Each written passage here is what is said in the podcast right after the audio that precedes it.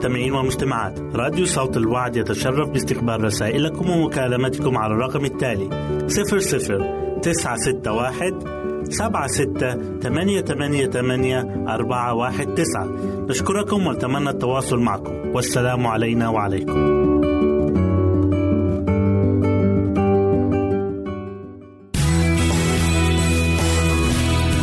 يمكنك استماع وتحميل برامجنا من موقعنا على الإنترنت www.awr.org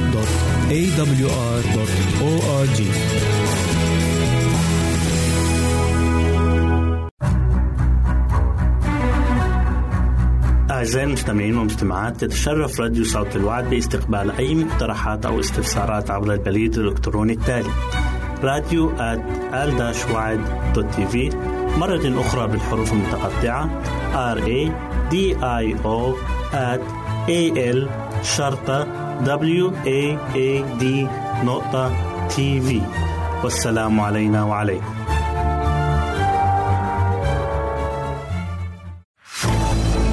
أعزائي المستمعين والمستمعات راديو صوت الوعد لا يكتفي بخدمتكم عبر الموجات الصوتية فقط بل وإنه يطرح لكم موقعا إلكترونيا يمكنكم من خلاله مشاهدة أجمل البرامج الدينية الثقافية الاجتماعية وغيرها من المواضيع الشيقة. يمكنكم زيارة الموقع من خلال العنوان التالي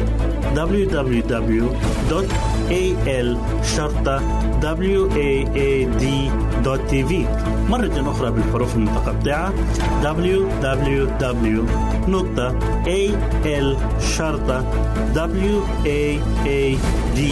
www.al-waad.tv والسلام علينا وعليكم.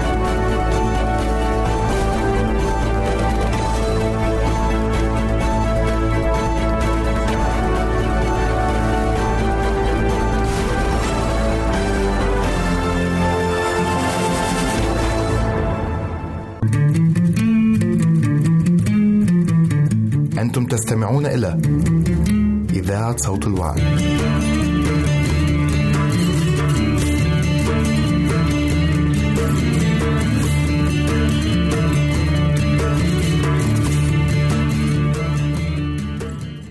أهلا وسهلا بكم مستمعينا الكرام في كل مكان.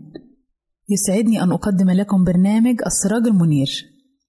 اتكلمنا في الحلقة اللي فاتت إزاي نكون قدوة للآخرين مش عصرة. وفي حلقة اليوم هنتكلم إزاي نكون قدوة في تربية أولادنا. الكتاب المقدس هو أعظم وسيلة ومثال يرشدنا ويساعدنا في تربية أولادنا. والآية الموجودة في سفر الأمثال إصحاح 22 والآية 6 هي خير دليل لينا. بتقول كلمة ربنا رب الولد في طريقه فمتى شاخ أيضا لا يحيد عنه. بيحسنا كاتب سفر الأمثال إننا نربي أولادنا على كلمة ربنا. من وهم لسه أطفال صغيرين. لأن كلمة الله لو اتأسست في حياتهم هتحرسهم وتحفظهم من كل أفكار شريرة. ودور الأم ليه تأثير كبير جدا في تربية الأطفال. طبعا بعد الكتاب المقدس.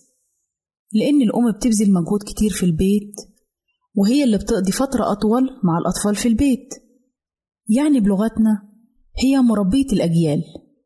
زي ما بتقول المقولة إن الأم مدرسة والمسؤولية كبيرة جدا على كل أب وأم قدام ربنا. إنهم يربوا ولادهم بالطريقة اللي ترضي ربنا. لأننا لو قمنا بالمهمة دي كوالدين هنجني بركات كتير. لكن إذا فشلنا في تربية أولادنا هنجني ألم وحزن شديد وبتقول كلمة ربنا في سفر التثنية إصحاح ستة والآيات من ستة لسبعة ولتكن هذه الكلمات التي أنا أوصيك بها اليوم على قلبك وقصها على أولادك وتكلم بها حين تجلس في بيتك. البحث الحقيقي للتربية هو في كلمة ربنا مش بتقليد الأجداد أو أي وسيلة تانية. وعشان نربي ولادنا ونكرمهم إننا نوجههم ونرشدهم وننمي فيهم فضيلة الاحترام. وعشان ننمي فضيلة الاحترام فيهم المفروض إننا كوالدين نكون قدوة قدامهم في سلوكنا ونسود عليهم بالمحبة مش بالتسلط. نستخدم الكلمات السحرية زي من فضلك لو سمحت كلمات الشكر والتقدير. إذا إحنا كوالدين احترمنا أولادنا في البيت تلقائيا هم يحترمونا بره من المهم كمان إننا نظهر إيماننا قدامهم لأن ده بيأهلنا إننا نرشدهم بحسب وصية الله. من الضروري كوالدين بإننا نكون مكرسين للرب. وزي ما قال لنا الكتاب المقدس في الرسالة إلى أهل كلوسي إصحاح واحد والآية عشرة بتقول كلمة ربنا لتسلكوا كما يحق للرب في كل رضا مثمرين في كل عمل صالح ونامين في معرفة الله. على الوالدين أنهم يخضعوا لله أولا ومن ثم لبعضهم البعض. بيقول لنا الكتاب المقدس في كورنثوس الأولى إصحاح واحد والآية عشرة ولكنني أطلب إليكم أيها الإخوة باسم ربنا يسوع المسيح أن تقولوا جميعكم قولا واحدا ولا يكون بينكم انشقاقات بل كونوا كاملين في فكر واحد ورأي واحد. عدم الخضوع بيولد انشقاقات في الأسرة. وعايز أقول حاجة إنه حتى لو شريك الحياة غير مؤمن أنت أو أنت تقدر تربحه. بخضوعك وبسيرتك الكويسة. وزي ما بيذكر لنا الكتاب المقدس في بطرس الأولى إصحاح 3 والآية 1 و2 كذلكن أيتها النساء كن خاضعات لرجالكن حتى وإن كان البعض لا يطيعون الكلمة. يربحون بسيرة النساء بدون كلمة. ملاحظين سيرتكن الطاهرة بخوف. الوحدة في الأسرة أمر مهم جدا والبيت اللي فيه انقسام ما بيكونش فيه سلام. وأهم شيء إننا نتحلى بزينة الروح الوديع الهادي ونلبس رداء التواضع علشان نكون قدوة حسنة قدام ولادنا. الأم الصالحة هي قدوة قدام ولادها في كل حاجة هي اللي بتعمر بيتها. لأنها بتقدم نفسها قدوة في كل شيء للأعمال الصالحة. كمان نقطة تانية مهمة إننا ما ينفعش نغيظ أولادنا. وزي ما بيوصينا الكتاب المقدس في رسالة أفسس إصحاح ستة والآية أربعة بتقول كلمة الله وأنتم أيها الآباء لا تغيظوا أولادكم بل ربوهم بتأديب الرب وإنذاره. إن كان واجب الأولاد هو الطاعة لوالديهم وده مرضي قدام الله. كمان واجب الوالدين إنهم ما يعملوش أولادهم بالقسوة والعنف. وفي الموضوع ده بيحتاج الآباء والأمهات إنهم يكونوا قريبين لله ويكونوا في علاقة وثيقة بينه وبين الله عشان الله يمنحهم الحكمة اللي هم محتاجينها عشان يربوا أولادهم تربية كويسة. أحيانا بيصدر منا إننا نغيظ أولادنا في بعض المواقف. يعني مثلا بعدم صبرنا عليهم واحتمالهم أو ممكن نحرجهم قدام الآخرين أو نتعامل معاهم بلغة خشنة وفيها عدوانية. وبالطريقة دي بنفشل في تأديب أولادنا. بالطريقة دي إحنا خالفنا الطريقة الكتابية اللي الرب أوصى بيها لأن بقي كلامنا مناقض لتصرفاتنا. مرة ما نتأثرش قوي بعدم الطاعة. ومرة تانية نتضايق جدا على الأولاد وممكن نتفوه بألفاظ قاسية. ونلجأ للعقاب بدل ما نشجعهم ونأدبهم بالطريقة الصح. من المهم جدا إننا نقضي وقت مع أولادنا ونسمع ليهم وكمان نعلمهم إزاي يهتموا بأجسادهم.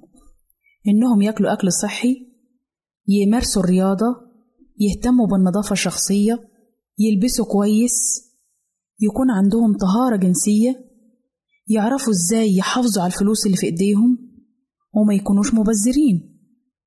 من المهم كمان إننا نعلمهم إنهم يتوقعوا إن هم ممكن يمروا بضيقات ومحن لكن لازم يثبتوا ويفرحوا في وسطها عشان ينموا في معرفة الله أكتر ويعيشوا بأمانة. نعلمهم كمان إزاي يختاروا أصدقائهم إزاي يخضعوا للسلطات اللي أكبر منهم سواء في العمل أو في المدرسة إزاي يكونوا مسالمين مع جميع الناس. والأهم في كل ده إننا نحط في اعتبارنا إن اللي هينطبق على ولادنا هينطبق علينا إحنا الأول. عشان نقدر نوصل بولادنا للي إحنا عايزينه. وبكده أعزائي نكون وصلنا لنهاية برنامجنا السراج المنير. نسعد بتلقي آرائكم ومقترحاتكم وتعليقاتكم وإلى لقاء آخر على أمل أن نلتقي بكم. تقبلوا مني ومن أسرة البرنامج أرق وأطيب تحية. وسلام الله معكم. أعزائي المستمعين والمستمعات راديو صوت الوعد يتشرف باستقبال رسائلكم ومكالمتكم على الرقم التالي 00 961 سبعة ستة ثمانية ثمانية ثمانية أربعة واحد تسعة. نشكركم ونتمنى التواصل معكم. والسلام علينا وعليكم.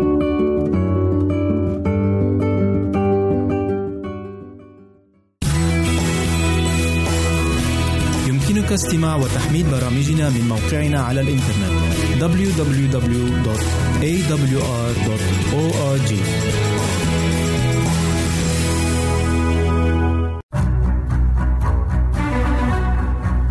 أعزائي المستمعين والمستمعات تتشرف راديو صوت الوعد باستقبال أي مقترحات أو استفسارات عبر البريد الإلكتروني التالي راديو في مرة أخرى بالحروف المتقطعة R A D I O at A L شرطة W A A D نقطة تي في والسلام علينا وعليكم.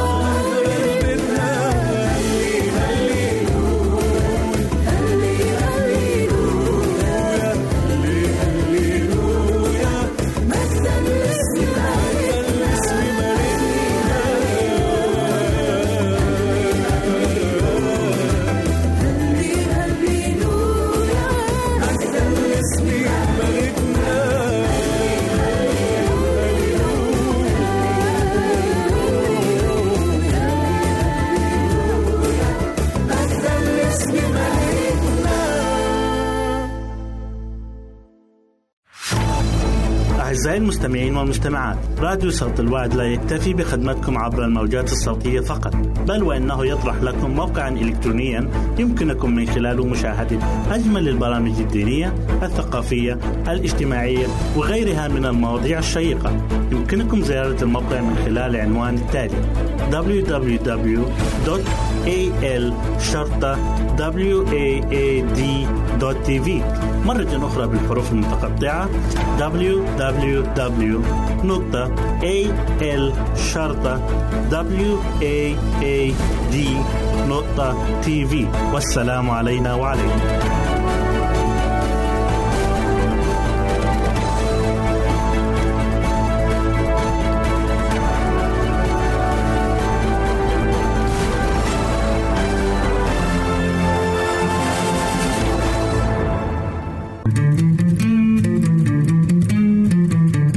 أنتم تستمعون إلى إذاعة صوت الوعي.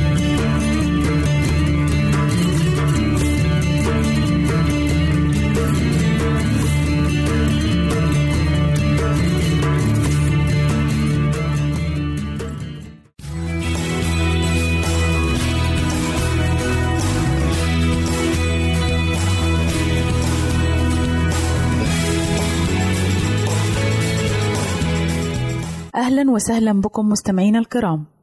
أسعد الله أيامكم بالخير والبركة. يسعدني أن أقدم لكم برنامج من هنا وهناك والذي يتضمن الفقرات التالية فيتامين د هل تعلم مرض السكر؟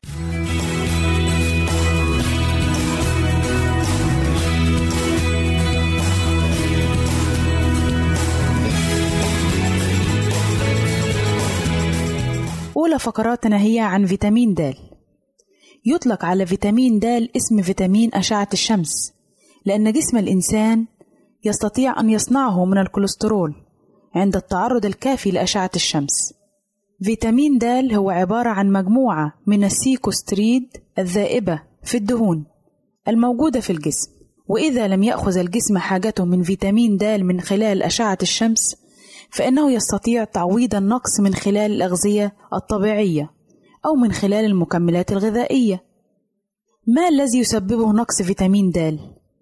يسبب نقص فيتامين د الكثير من الأمراض والتقلبات في حياة الإنسان، فنقصه قد يسبب الكساح وهشاشة العظام، وذلك لأنه يساعد الجسم كثيرا على امتصاص عنصري الكالسيوم والفسفور، وبالتالي تقوية العظام وزيادة كثافتها.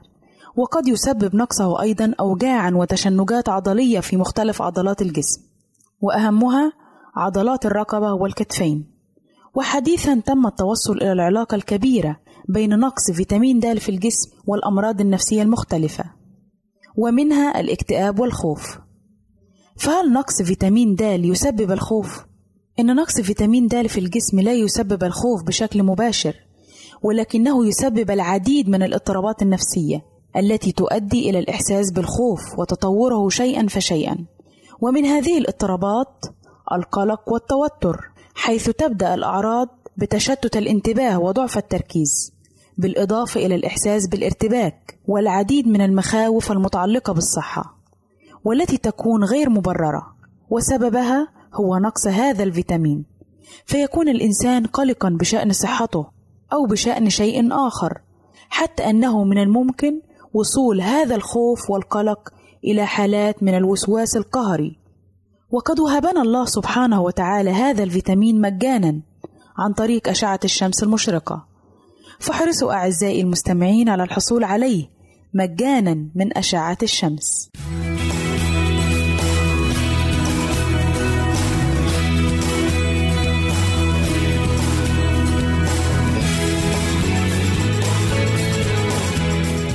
أهلا وسهلا بكم مجددا أعزائي المستمعين إليكم فقرتنا الثانية وهي بعنوان هل تعلم؟ هل تعلم أن التفكير الزائد في الماضي أو المستقبل يدمر بعض الخلايا في الدماغ المسؤولة عن معالجة الذكريات والشعور بالسعادة؟ وهذا الأمر ممكن أن يجعل المرء يعيش في التعاسة إذ يعتبر التفكير الزائد برأي علماء النفس هو أكبر خطأ يهلك نفس الإنسان هل تعلم أن المخ البشري يتكون من 12 مليون خلية تسيطر على العضلات والأعصاب وأجهزة الجسم المختلفة؟ هل تعلم أن رموش عين الإنسان تتجدد باستمرار ويبلغ متوسط عمر الرمش الواحد حوالي 150 يوما؟ هل تعلم أن الفم يفرز نحو لتر من اللعاب يوميا؟ هل تعلم أن طول عظمة الساعد لدى أي شخص تتساوى دائما مع طول قدمه؟ هل تعلم أن غالبية فيتامين سي الموجود في البرتقال تتركز في القشور؟ هل تعلم أن النحلة ترفرف بجناحيها بمعدل 350 مرة في الثانية الواحدة؟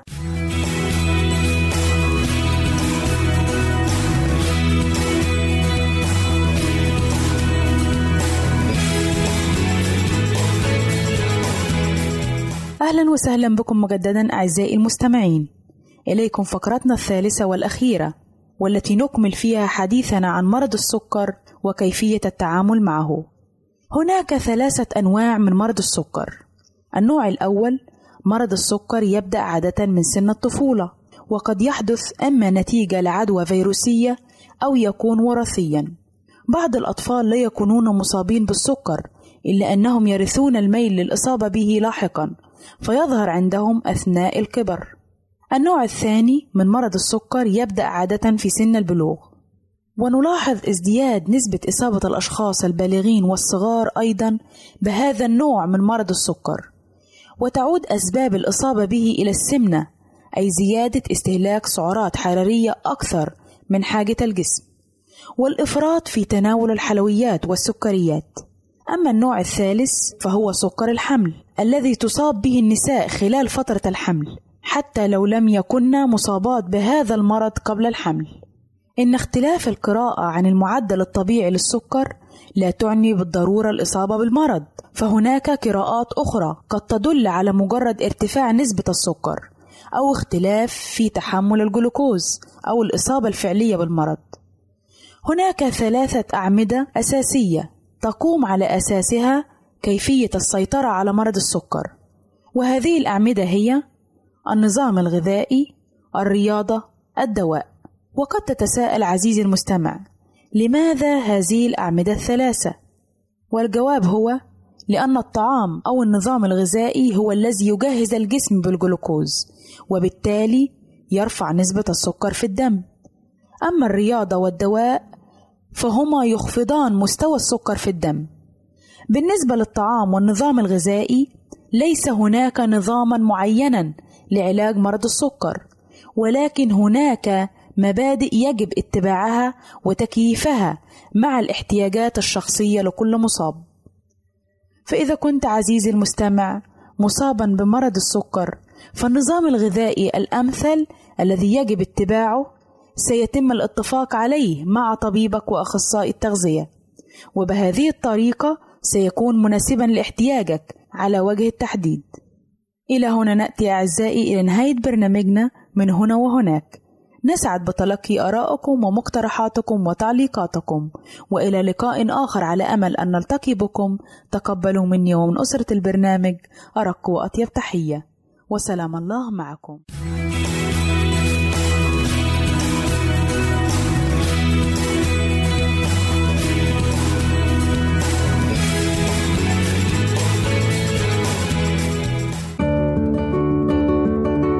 أعزائي المستمعين والمستمعات راديو صوت الوعد يتشرف باستقبال رسائلكم ومكالمتكم على الرقم التالي 00 961 سبعة ستة ثمانية ثمانية ثمانية أربعة واحد تسعة. نشكركم ونتمنى التواصل معكم. والسلام علينا وعليكم.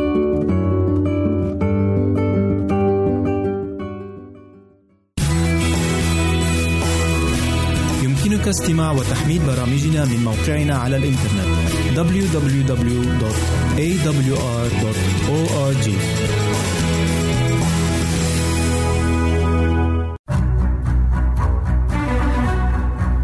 أعزائي المستمعين والمستمعات يتشرف راديو صوت الوعد باستقبال أي مقترحات أو استفسارات عبر البريد الإلكتروني التالي راديو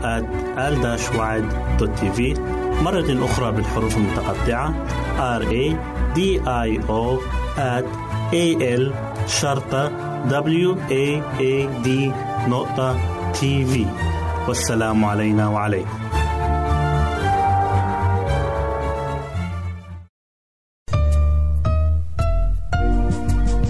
حكمة الله العلي كيف تقسو حاشا كلا قلبه الصالح جدا ألا يحنو صاح مهلا أنت لا تفهم ما يجريه حقا هو يدري هو يدري. كل ما يعمل فهو الحق صدقا. لست تدري هو يدري. لست تدري هو يدري هو يدري دائما كل الصلاح لأن جدا إن أفكاره تعلو عنك صاحي. عنك جدا.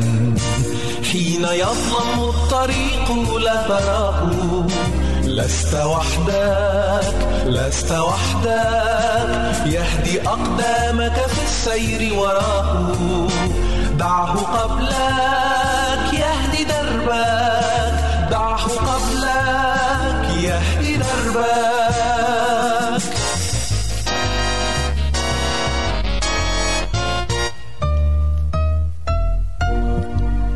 صاحب العرش يدير الكون طران في عناية الغد يدريه بل يجريه أمران للنهاية. كل شيء يعمل للخير حتما. هو يجري هو يجري فليكن فينا الرجاء فيه دوما. هو يدري كل أمري. هو يدري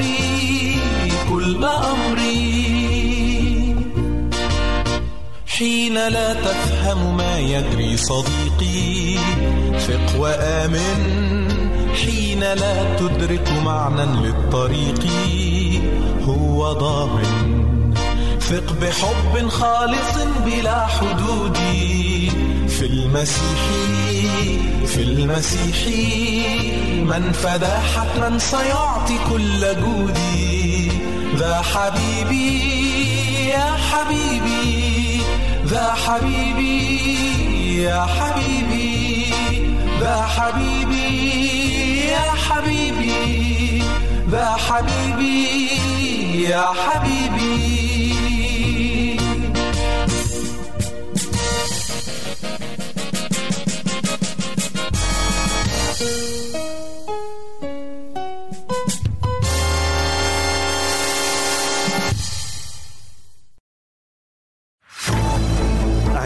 المستمعين والمستمعات راديو صوت الوعد لا يكتفي بخدمتكم عبر الموجات الصوتية فقط بل وإنه يطرح لكم موقعا إلكترونيا يمكنكم من خلاله مشاهدة أجمل البرامج الدينية الثقافية الاجتماعية وغيرها من المواضيع الشيقة. يمكنكم زيارة الموقع من خلال العنوان التالي www.al waad.tv مرة أخرى بالحروف المتقطعة www.al-waad.tv والسلام علينا وعليكم.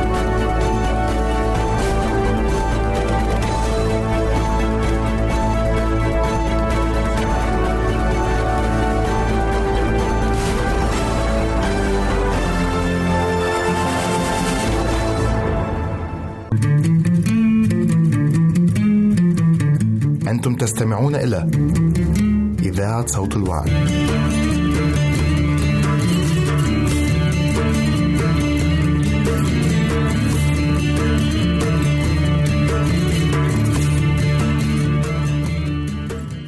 مرحبا بك عزيزي المستمع في حلقة جديدة من برنامجك الأسبوعي قصة وحكاية.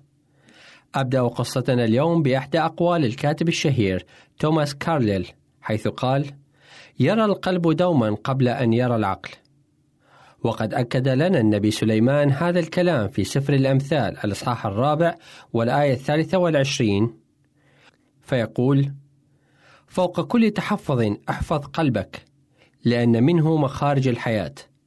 فتعال معنا عزيزي لنستمع لهذه الحلقة والتي تحمل عنوان القلب النقي. عندما ارتكب الملك داود الزنا مع بيت شبع توسل إلى الله بكل خشوع طالبا الصفح والغفران.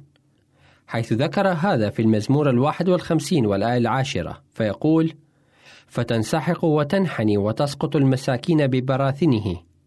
ونحن على يقين بأن الملك داود لم يطلب بالشكل الحرفي أن يعطيه الله قلبا نقيا نظيفا أي هذا العضو الحيوي من الجسم بل بما معناه إنه طلب من الله أن يعطيه العقل النقي من كل خطيئة وشر.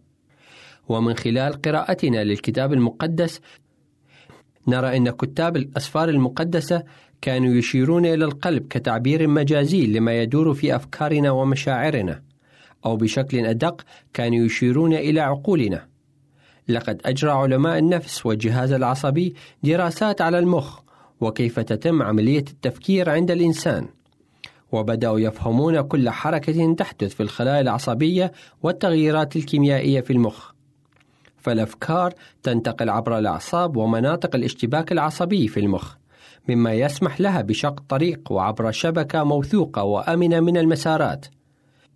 وهذا يخص جميع ما نفعله من عمليات تمييز الكلمات أو الأصوات، كما يخص طريقة تحليل هذه المعلومات ومعرفة إذا كنا قد رأينا أو سمعنا هذه الأشياء من قبل. وما هي ردود فعلنا تجاه ذلك.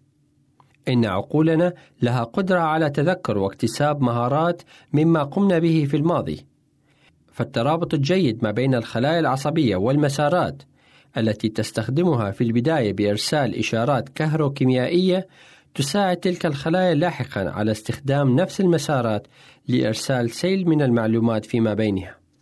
إن ما كان يقصده الملك داود هو بالحقيقة ما نطلبه نحن أيضا. فكل فعل أو تفكير أو أي شيء ندركه أو نتعلمه يحدث تغييرا في عقولنا مهما كان صغيرا.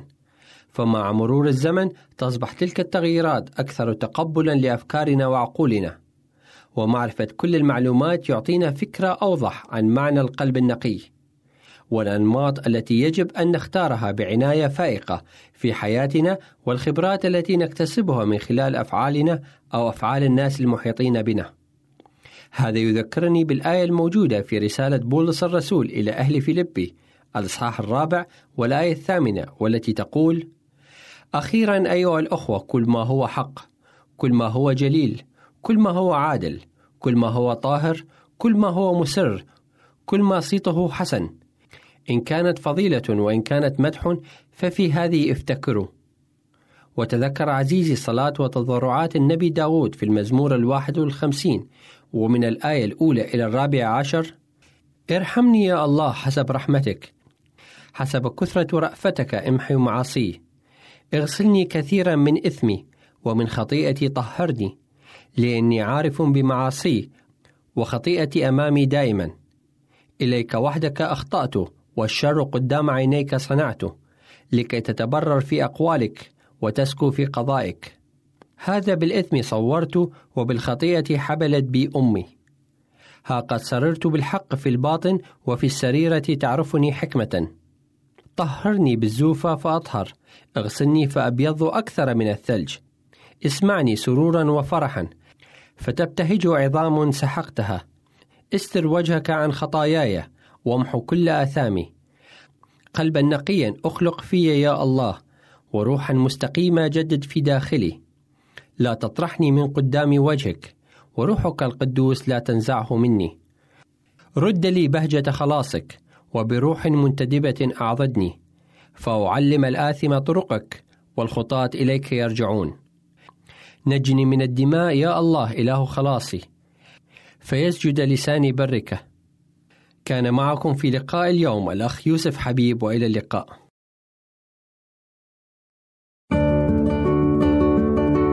أعزائي المستمعين والمستمعات راديو صوت الوعد يتشرف باستقبال رسائلكم ومكالمتكم على الرقم التالي 00 961 سبعة ستة ثمانية ثمانية ثمانية أربعة واحد تسعة.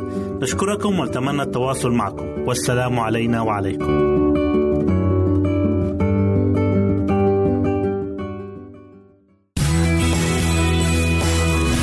يمكنك استماع وتحميل برامجنا من موقعنا على الإنترنت. www.awr.org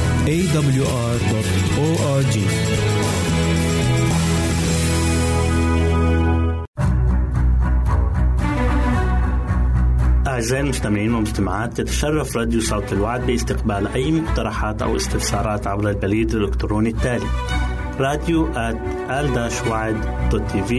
مرة أخرى بالحروف المتقطعة R A D I O A L شرطة W A A D نقطة تي في والسلام علينا وعليكم.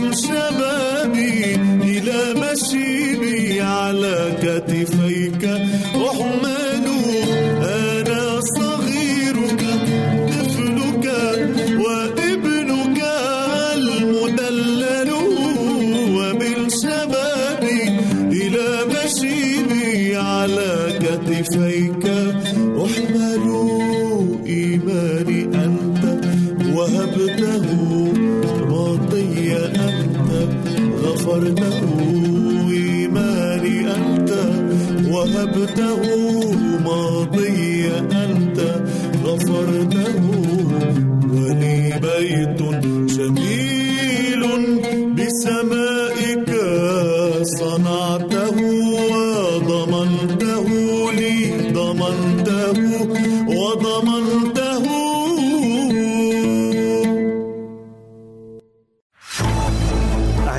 المستمعين والمستمعات راديو صوت الوعد لا يكتفي بخدمتكم عبر الموجات الصوتية فقط بل وإنه يطرح لكم موقعا إلكترونيا يمكنكم من خلاله مشاهدة أجمل البرامج الدينية الثقافية الاجتماعية وغيرها من المواضيع الشيقة. يمكنكم زيارة الموقع من خلال العنوان التالي www.al-waad.tv مرة أخرى بالحروف المتقطعة. Www.al-waad.tv والسلام علينا وعليكم.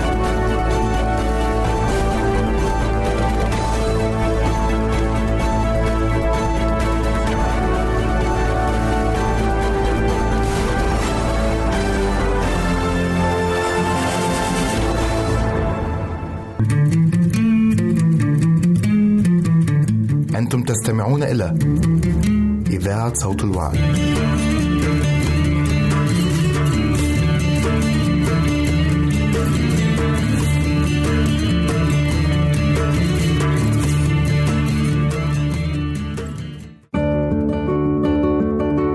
أعزائي المستمعين والمستمعات راديو صوت الوعد يتشرف باستقبال رسائلكم ومكالمتكم على الرقم التالي 00 961 سبعة ستة ثمانية ثمانية ثمانية أربعة واحد تسعة. نشكركم ونتمنى التواصل معكم. والسلام علينا وعليكم.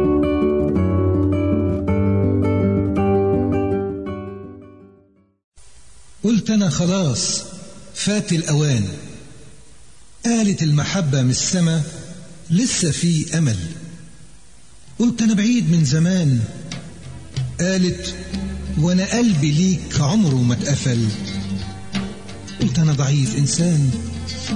قالت ضعفك في قوتي يكتمل.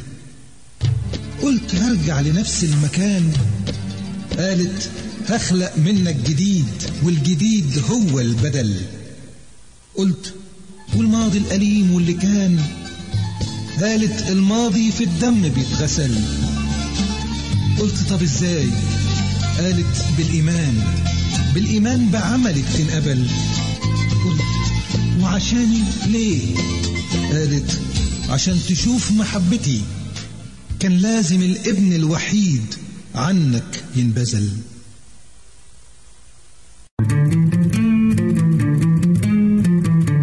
أنتم تستمعون إلى إذاعة صوت الوعد.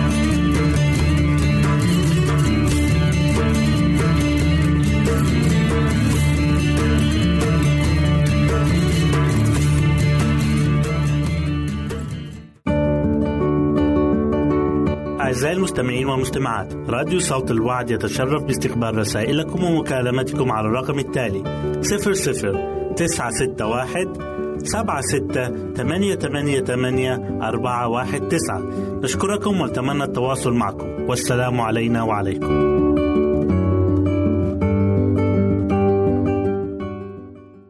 صحتك بالدني مرض الزهايمر ومواجهته. بالرغم من وجود بعض الأدوية للعلاج وليس للشفاء فلم يجد الطب علاجا شافيا له حتى الآن.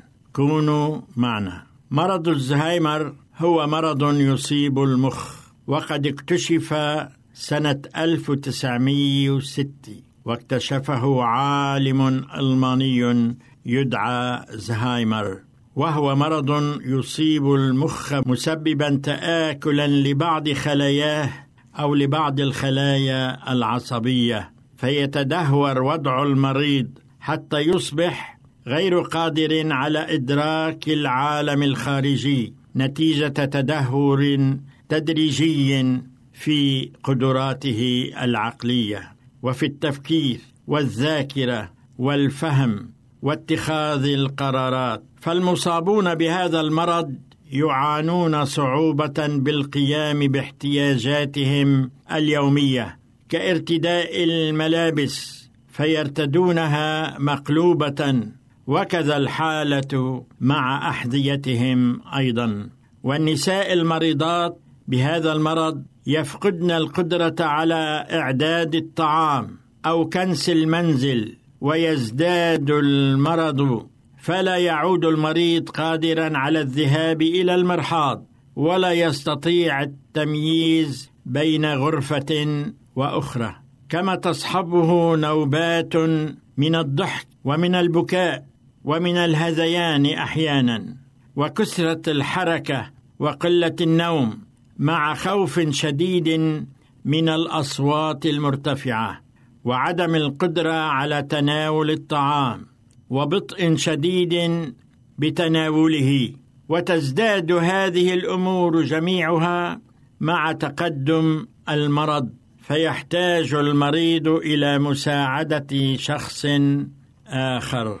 ألزهايمر يصيب الجنسين معا وهو ليس مرحلة عادية من الشيخوخة ولا يوجد تفسير علمي لأصل هذا المرض وهو يصيب عادة كبار السن.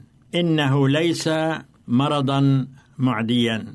من علاماته التغييرات في السلوك حيث يشعر المريض بصعوبة تذكر أحداث قريبة أو فقدان بعض المهارات التي كان يملكها سابقا كالكتابة مثلا. مريض الزهايمر يجد صعوبة بتعلم أشياء جديدة وقد يجد صعوبة بتذكر أحداث قريبة وقد يجد صعوبة في الكتابة كما يجد صعوبة بالتكيف مع الأماكن الجديدة ويفقد المريض الاستعمال الصحيح للكلمات كما تعود إليه بعض كلمات الطفولة الأولى. يجد عناية بالموسيقى كما يجد المريض صعوبة بتعلم أشياء جديدة وهذه جميعها تظهر تدريجيا. من الصعب جدا تشخيص مريض الزهايمر. يؤثر هذا المرض على كل جوانب حياة المريض ولكن كل مريض يتأثر بطريقة مختلفة عن الآخر. وفي مجمل الأحوال فإن مرضى الزهايمر يتأثرون سلبا في التفكير والتذكير والاتصال وفي بداية المرض يكون من الصعب على المريض التعلم أو التعرف على أصحاب جدد وقد ينسى أبسط الأشياء التي كان يقوم بها منذ سنوات. كالكتابة مثلا. ويواجه صعوبة في تذكر أسماء الأشخاص والأماكن وأين توجد أو لماذا جاء وكثيرا ما يتعذر عليه إجراء محادثات مفيدة ولكنه يبقى محافظا على بعض القدرات أيضا. لكنه يبدو أقل قدرة للتعبير عن نفسه وأقل حيوية وهو متقلب الانفعالات فقد يكون حزينا وفجأة ينفجر ضاحكا دون سبب. وهذا المريض مريض الزهايمر قد يسيطر عليه المشي دون هدف والاستمرار في المشي داخل المنزل والبحث المستمر عن شيء ما لا يعرفه وإخفاء الأشياء مع اضطرابات مزاجية حادة. فليتذكر من يرعى هذا المريض أن هذه التصرفات كلها من تأثير المرض وهي تصرفات لا إرادية. أما قدراته الجسدية فتتدهور وبمرور الزمن يصعب عليه أن يأكل أو يشرب لوحده. عزيزي المستمع أختي المستمعة إن مريض الزهايمر يحتاج إلى عناية خاصة ويحتاج إلى من يفهمه. لذلك كونوا واعين لما تقومون به مع هذا المريض. كان معكم شحاد الحلبي. أعزائي المستمعين والمستمعات راديو صوت الوعد لا يكتفي بخدمتكم عبر الموجات الصوتية فقط بل وإنه يطرح لكم موقعا إلكترونيا يمكنكم من خلاله مشاهدة أجمل البرامج الدينية الثقافية الاجتماعية وغيرها من المواضيع الشيقة. يمكنكم زيارة الموقع من خلال العنوان التالي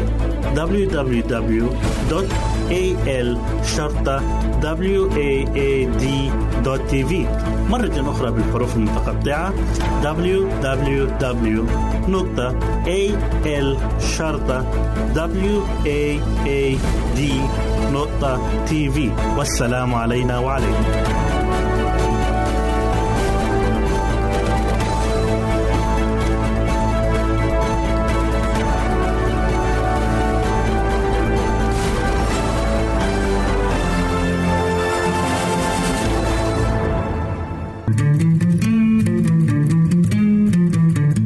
أنتم تستمعون إلى إذاعة صوت الوعد.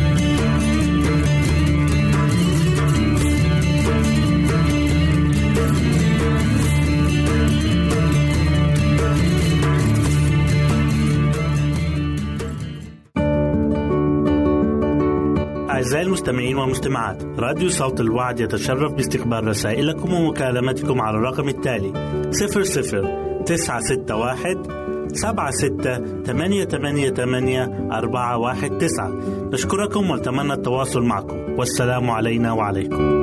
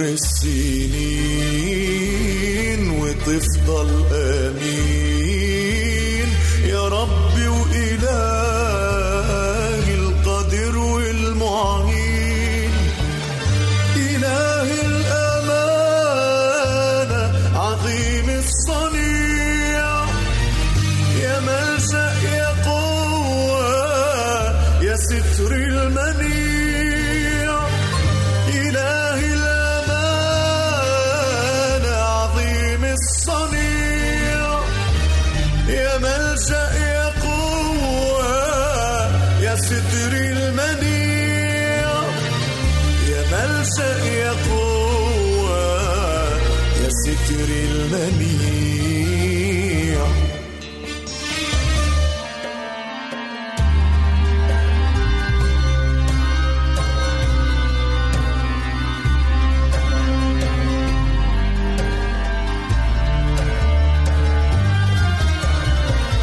بنلجأ إليك